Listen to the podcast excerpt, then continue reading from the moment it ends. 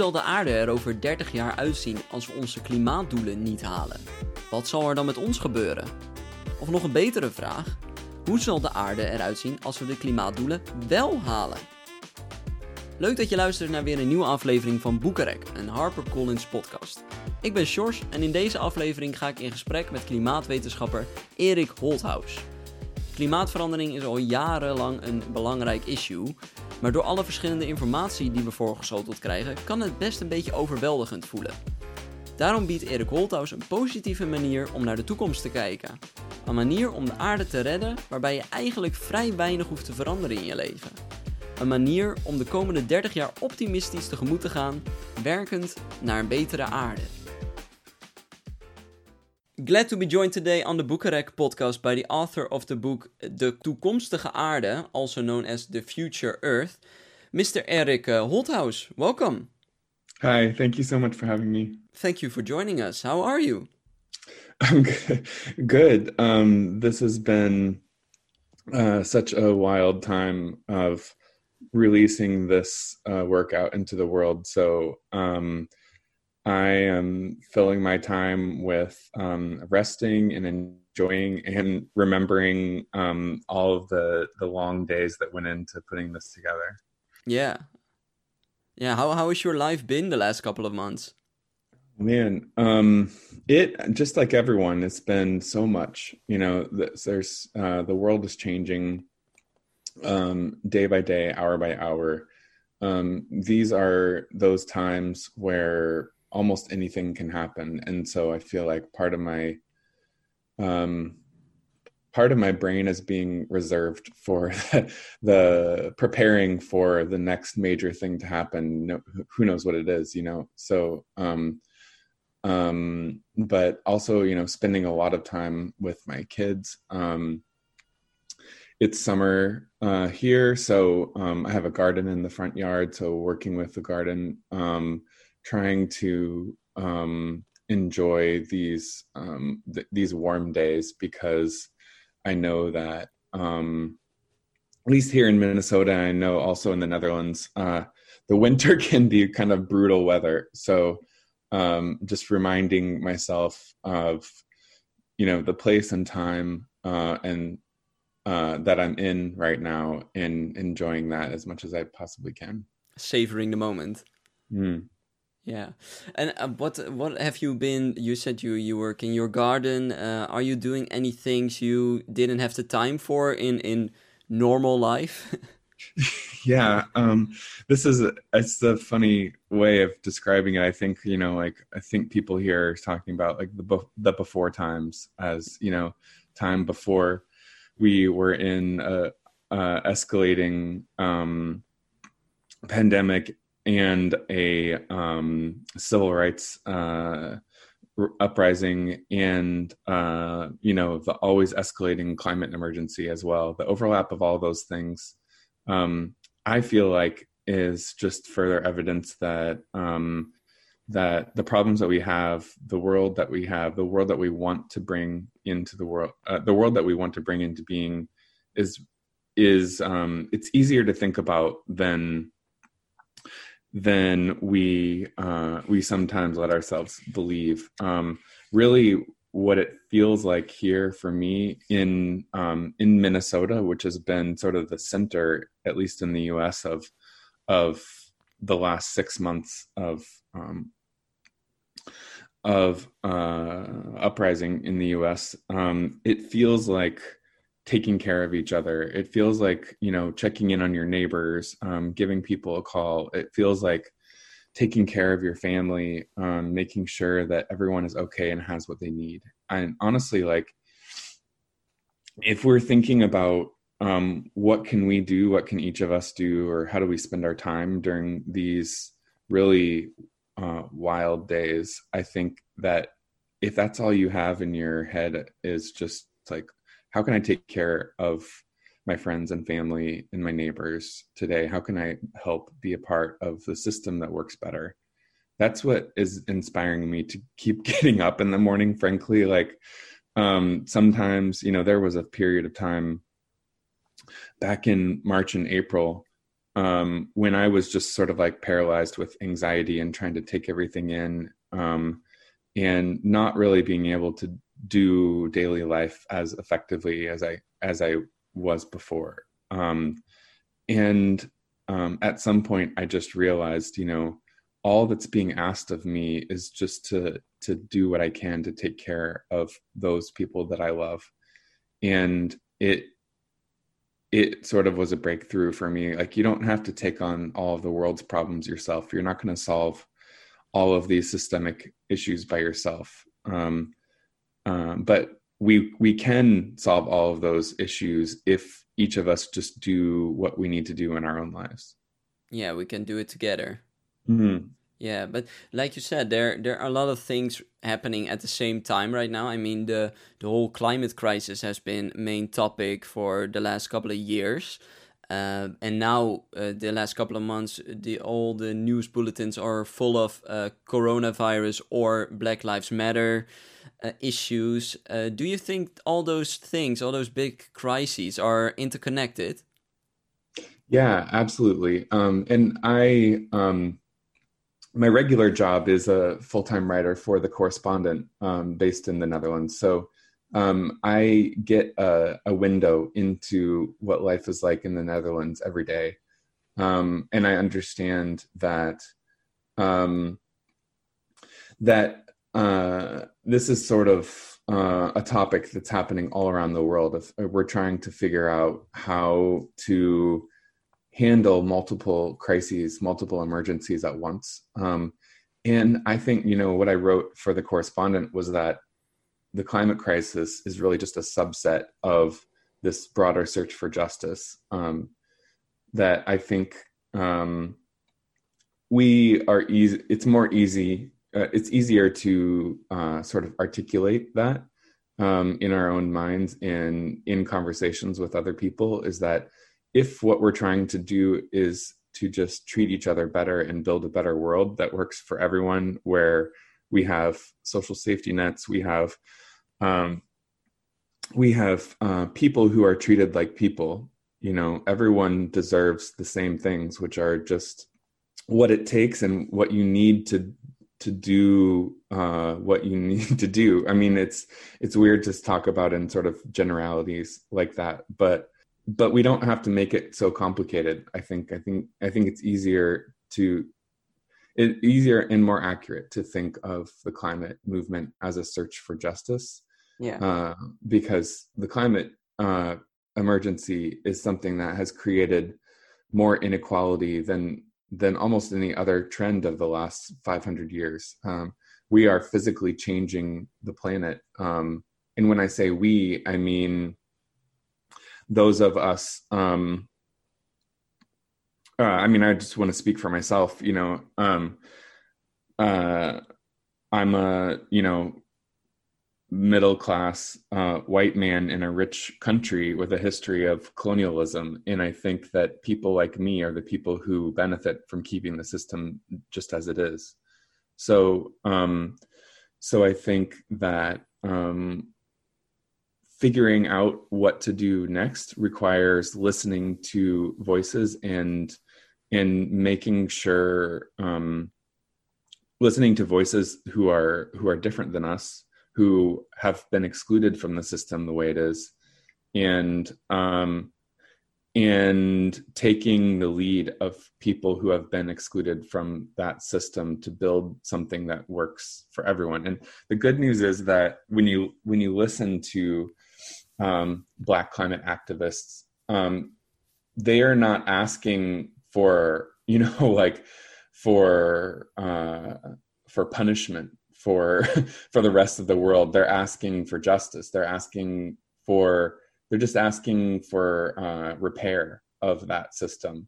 Um, there is no there is no like vengeance in this justice movement. It's more about lifting people up who who should have been lifted up the entire time. So I think that um, it's often that we feel a little bit um, sort of uh, we again we meaning um, like relatively privileged uh, people feel maybe scared or anxious of change uh, because we know that uh, that might mean that the system won't work for us anymore. But I think the better way of thinking about it is that in a system that works for everyone, then no one has a really reason to feel uh, left out. No, it it just forces people to change their perspective on all those things, just to adjust that it just isn't a system that works for some people, but works for everyone and for the whole planet. But uh, all these issues, I mean, uh, your your new book is about uh, how we can uh, overcome this this climate change, this climate crisis. Are these things you have always been interested in? I I think so. You know, I to to be completely um, accurate about it, I grew up in a small town in Kansas in the middle of the United States where there was not very much else to do other than watch the weather. So I I became um, really fascinated with watching storms and learning how the atmosphere works um, from an early age.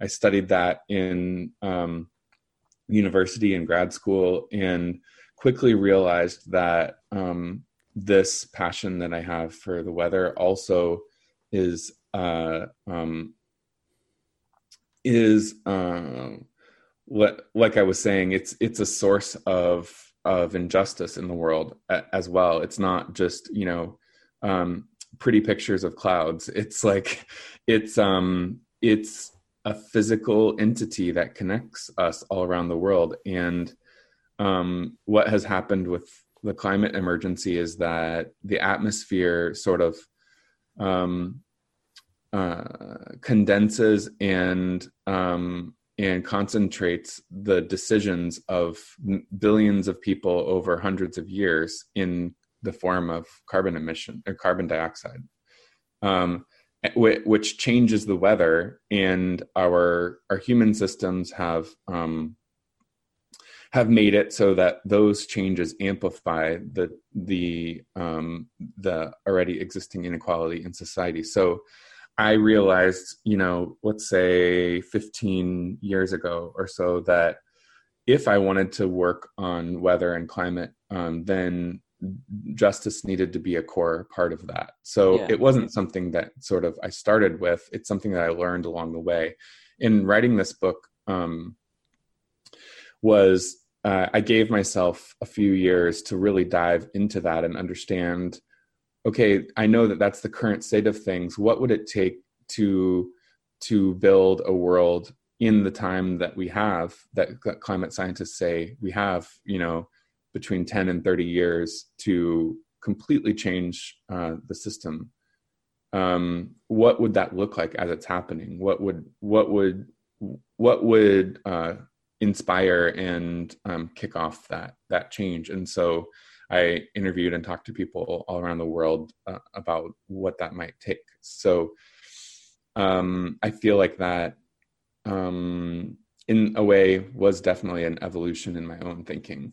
Yeah. What no, what did uh, what did change for you personally in your, in your life? What did you do? You thought, okay, something has to change, but change starts with yourself. What what did you do?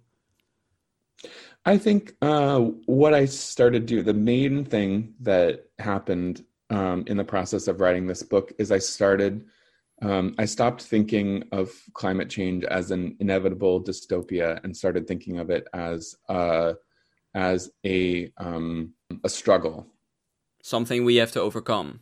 Yeah, well, maybe not even overcome, but a struggle you don't really know the outcome of it. So we are embarking on this journey where um, where we need to change what we have built uh, so far. We need to we need to build something new, and I, I think that it is just something that it, it is something we have to we have to reflect upon and then we have to take uh, conscious action to to uh, find a way out of this yeah, yeah. So so I've started to think not uh, the future not about it being an inevitable dystopia, but as um, as uh, something where we need to build an image of the world that we know is possible, the world that can exist. Yeah. Uh, and if we don't do that, then um, then uh, the dystopia becomes more likely. Yeah. So we're not going to be able to get to a better world unless we have images of what that better world looks like. No. Um, so I think that for me was a key shift. And, and what were what were what were then the the, the that um, your image of the world, what the world should look like, or maybe examples that you see around you? What um, if I think about um, if we change in the next twenty years, what can be different then? Mm, well, you have to read the book. Yeah. um, I, I think. Um, I, I mean, the the IPCC, the Intergovernmental Panel on Climate Change, says that we need to have transformative change in all aspects of society in the next ten years um, in order to reach uh, um, a warming of not more than 1.5 degrees, which is the point at which we start to lose permanently um, key parts of the climate system, like um, the Arctic ice and um, and um, coral reefs, and um, beginning to start to uh, to lose the permafrost in the in in Siberia and Alaska. Um, I think that um, um, what changes is really um, you can think think about it in two different ways. You can think of, oh well, I have to change every part of my life. I have to change how I eat. I have to change how I um, transport myself. I have to train change the way my house works. All of that stuff is, if you think about it that way, it's overwhelming. Yeah. Um, and I'm choosing uh, in the book, hopefully, to instead frame it as like if you just change the way you think about your relationship to other people.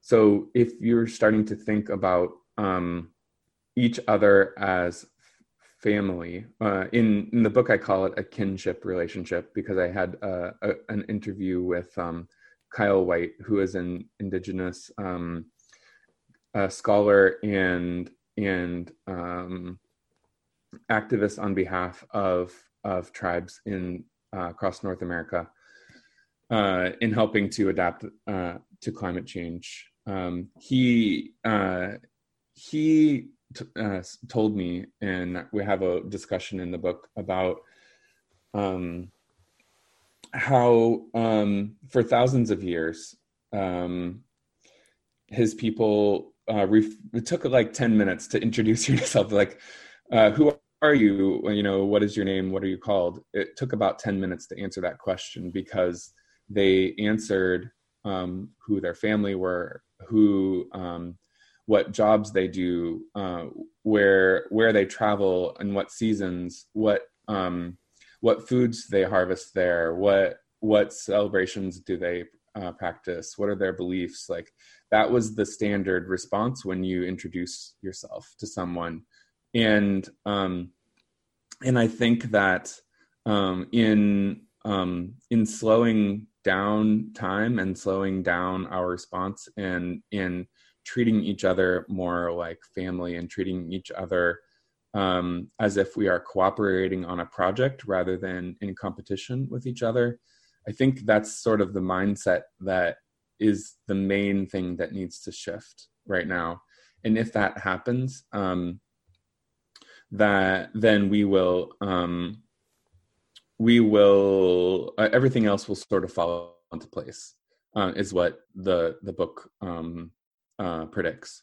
Yeah. That that I think um, I think that if we um, if we are focused on um, not like if we or move our focus away from like private ownership and control and domination towards um, moving towards an economy that's focused on well-being and and um, working together to achieve our our goals um, that's really the only shift that needs to happen because then we will have communities of people who will determine their own needs and work to make it happen.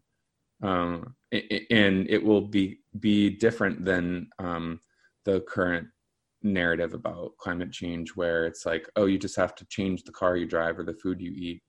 It, the change goes much much deeper than that. But in in thinking about it that way uh, to me it, the whole problem becomes easier. What you say is it, it sounds really easy but there uh, there's a lot of resistance. I mean we uh, we you can get easily overwhelmed by all these doom scenarios and um, all the all the things that people say that you should do, but like you said, that you can only do so much.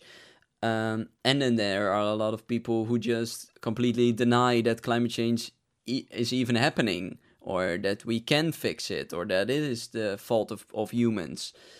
Um, but th- then how when i when i'm listening to this and uh, i'm at home and i want to help or i want to do something good what can i do yeah i think my number one suggestion to people is to just talk about it talk about climate change um, talk about the future that you are working for whatever it is with as many people as you can as often as you can i think that conversations actually speaking out loud whether it's over um, Zoom or or in person. Um, having a conversation where you are speaking your thoughts to someone who cares about you, who you care about.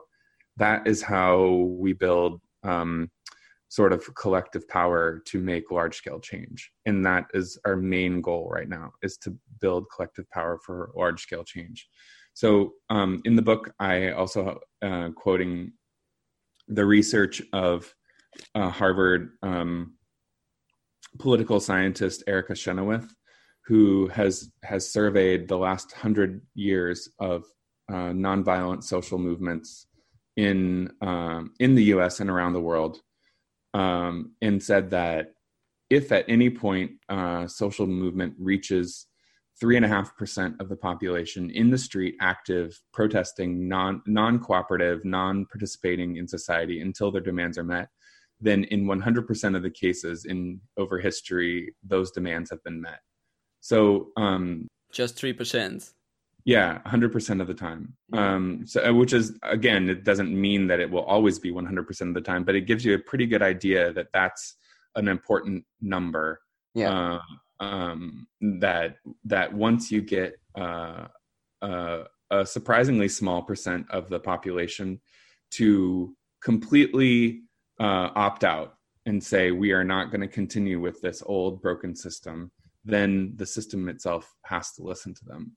So um, in uh, in this the climate strike movement, New Zealand was the first and as far as I know, only country to reach that point so far. And you've kind of seen what has happened in New Zealand over the last year. Like they, within a few weeks of those climate strikes, um, the the government passed a comprehensive climate legislation, and now you know they've been extremely uh, good when it comes to the um, coronavirus pandemic as well. Like they are, as far as I know, completely free of new cases there now. Um, they are doing that that work because their people are demanding that work be done um, so so i think that that gives us an example of the kind of work that we need to do in our own countries yeah to stand up for what we believe in and for what we think is right i think we don't have a choice i think we have to look at the future and and look at at the options um, in the world where we do what we need to do because